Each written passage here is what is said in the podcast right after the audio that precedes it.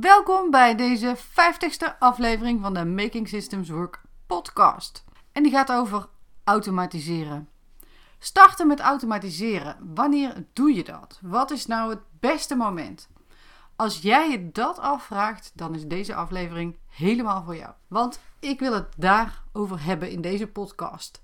Wat is nou een goed moment om te starten met automatiseren? En misschien denk je nu: automatiseren? Hoezo? Dat is volgens mij meer voor grote bedrijven, voor productiebedrijven, maar niet voor mij als VA, niet voor mij als trainer, business coach of webshop-eigenaar of nou ja, coachpraktijk-eigenaar. Voordat we verder gaan, in deze 50ste aflevering wil ik je allereerst eventjes bedanken voor het luisteren. En helemaal natuurlijk als je al meer afleveringen geluisterd hebt. En misschien heb je je al wel geabonneerd op deze podcast. Als je dat niet gedaan hebt, dan kan altijd. Maar Misschien wel ter gelegenheid van deze 50ste aflevering vroeg ik me af wat zou nou leuk zijn om te doen, te vragen, te weten. En toen dacht ik, nou, wat ik wel heel leuk zou vinden is als jij nou eens laat weten welk onderwerp of welke vraag je hebt waarvan je zegt, nou, maak daar nou eens een podcastaflevering over, Mirjam. Je kan de vraag of onderwerp gewoon delen via privéberichtje op LinkedIn of stuur me een DM op Instagram. Je mag me ook een e-mail sturen uh, naar Mirjan met een Nico op het eind. hotspot.nl, maar dat is meestal ingewikkeld, want mijn voornaam kan heel veel misgaan. En dan stuur je mij gewoon een berichtje. En wie weet gaat de volgende aflevering over jouw vraag of onderwerp. Nou, terug naar de aflevering van vandaag. Ik kan me voorstellen dat jij denkt: automatiseren is toch niet voor mij als klein bedrijf, als online ondernemer. Want automatiseren associeer ik meer met auto's maken, lopende band, massaproductie en daar sta ik helemaal niet voor. Maar als we de betekenis van automatiseren bekijken, dan is dat eigenlijk niks meer dan dingen vanzelf laten gaan. En nou vertaal ik het heel erg vrij. Denk eens terug, vroeger op school, op de basisschool zal het geweest zijn, heb je honderd keren, honderd, misschien wel vaker, de tafeltjes moeten opzeggen om ze te automatiseren. En het doel daarvan was dat je niet meer hoefde te rekenen, na hoefde te denken over de uitkomst van 5 keer 6 of 3 keer 9. Maar dat er meteen achteraan komt: 5 keer 6 is 30 en 3 keer 9 is 27. Nou, dat is bij mij erin geramd. En ik, uh, ik, bij een van mijn kinderen trouwens niet. Heel dom, want die kan nog steeds niet die moet tafeltjes gewoon uitrekenen. Nou, idioot dat iemand dat ooit bedacht heeft. Want het scheelt namelijk enorm veel tijd bij het rekenen. Ik hoef er niet over na te denken. En zo is het ook eigenlijk vergelijkbaar in ieder geval met taken binnen je bedrijf die je gaat automatiseren. Het levert je enorm veel tijd op, kostbare tijd, die je dus aan andere dingen kan besteden, zakelijk of privé. En het kan ook zo zijn, als je met een team werkt, dat het jouw team heel veel tijd scheelt. En die tijd die zij niet besteden, hoef jij niet te betalen. Of je kan ze andere dingen laten doen. Maar er is nog een belangrijke reden om te automatiseren. En die ligt in de kwaliteit meer. Want taken die je geautomatiseerd inricht, dus die je geautomatiseerd laat verlopen, daar komen heel weinig fouten in voor. En als het fout gaat, dan gaat het ook structureel fout. Dus dan zit er ergens in de automatisering iets niet goed. En als je dat hersteld hebt, dan loopt alles weer als een, uh, hoe heet dat? Een zonnetje, dat zou je kunnen zeggen. Op rolletjes, whatever. Er scheelt dus een hoop controles van dingen. Uh, fouten dus die niet meer gemaakt kunnen worden. Uh, die hoeven ook niet hersteld te worden. En dat scheelt natuurlijk ontevreden klanten. Hoeveel meer winst wil je hebben? Nou, ik heb nog niet helemaal alles uitgediept, maar dat uh, zijn ongeveer de belangrijkste. En ik zal zo even ingaan op wat je dan het beste als eerste kan gaan automatiseren als je nog helemaal bij nul staat, hè, om al deze voordelen ook te behalen.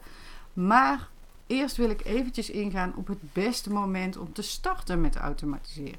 Als je echt net, net, net begonnen bent met je bedrijf en nog niet zo, niet eens weet wat je wil gaan aanbieden of wie je klanten gaan zijn, dan is het misschien wat vroeg. Maar zodra je dat weet, is het moment daar eigenlijk. Ben je in business en heb je je eerste klanten, ook al is het allemaal nog niet helemaal uitgekristalliseerd, maakt niet uit. Denk in ieder geval aan automatiseren. Dus eigenlijk voor iedereen die in business is, het beste moment is nu, nu meteen.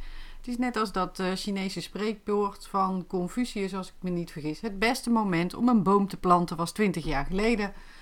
Het één na beste moment is nu. En nu wil dat natuurlijk niet zeggen dat je meteen je hele business moet gaan doorlichten en alles automatiseren. Want dan ben je, verlies je je daar helemaal in en dan heb je nul ervaring met automatiseren en dan ga je meteen full blown. Dan zou het natuurlijk zomaar kunnen zijn dat je erachter komt dat er bepaalde dingen helemaal niet zo handig werken in je business. Dus ga stap voor stap, want dat is een stuk handiger. En ik kan me voorstellen dat je ook nog wel een beetje drempelvrees hebt. In die zin dat je denkt, hmm, automatiseren, dan ga ik zeker alles uit handen geven. Heb ik geen controle meer op wat er gebeurt. Ehm, dat je misschien het gevoel krijgt van dat er dan van alles kan gaan gebeuren zonder dat jij het ziet. Maar dat is natuurlijk niet zo. Een computer doet alleen wat wij hem of haar, ik weet eigenlijk niet wat het is, opdragen. Dus het is belangrijk om te leren begrijpen hoe je je opdrachten moet geven, welke tools je daarvoor kan gebruiken en hoe jij dan inderdaad overzicht houdt over alles wat automatisch is ingeregeld. En daarom is het goed om met een kleine stap te beginnen en dan kun je vrij snel verder als je daar uh, goed gevoel over hebt.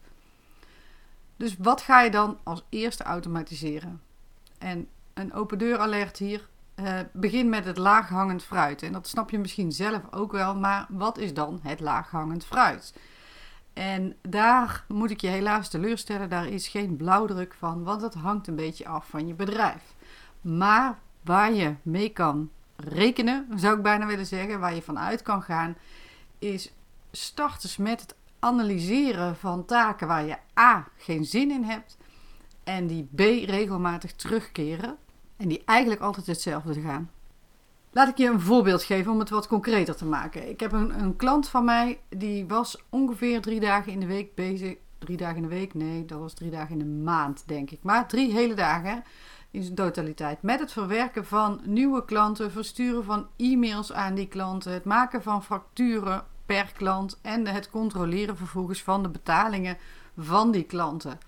En nadat we alles geautomatiseerd hadden, wat daarin zinvol geautomatiseerd kon worden, ehm, bleef daar een half dagje van over. Dus 2,5 dag winst. En dan zul je misschien zeggen, ja, 2,5 dag op een maand. Maar reken maar eens uit, 20 dagen, als je daar twee dagen van of 2,5 dag van besteedt aan taken die je vervolgens niet meer hoeft te doen, dan levert je dat enorm veel op. Een heel weekend, zeg maar. Een, een vijfde weekend, om het zo maar te zeggen.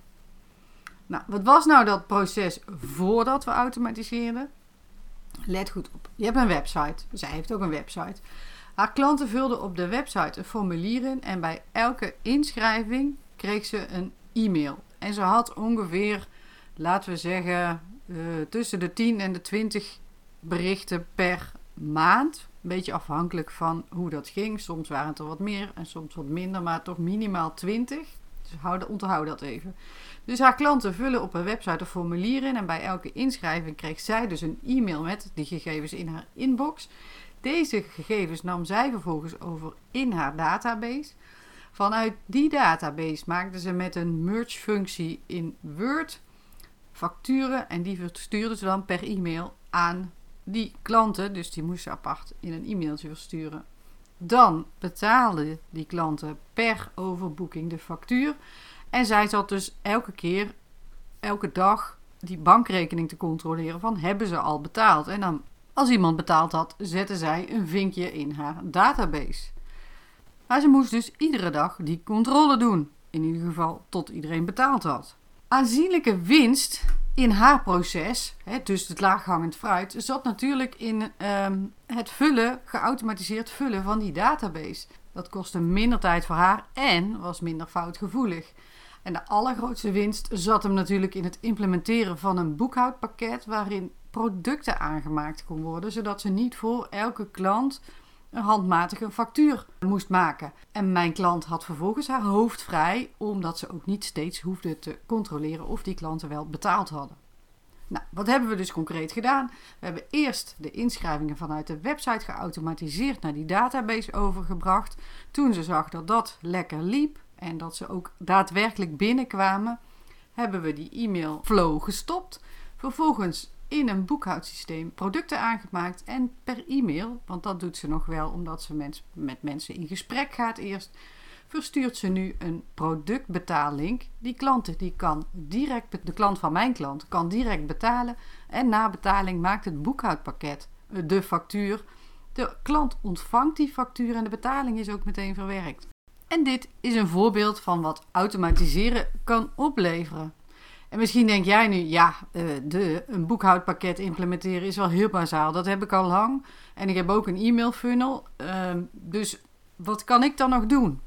Geloof mij, in elke business hangt laaghangend fruit.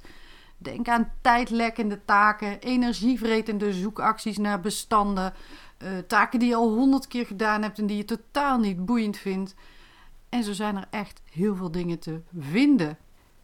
Wil jij nu starten met automatiseren en onderzoeken of het wat, uh, wat er voor jou mogelijk is, maar weet je niet zo goed waar je moet beginnen en hoe je dat dan concreet handen en voeten geeft? En wil je graag mijn hulp om jouw business te automatiseren?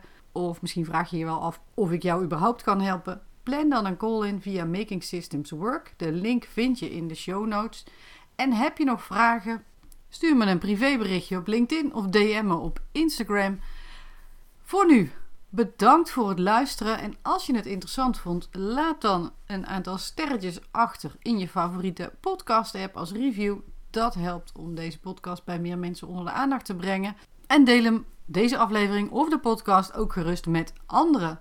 Heel graag tot een volgende aflevering.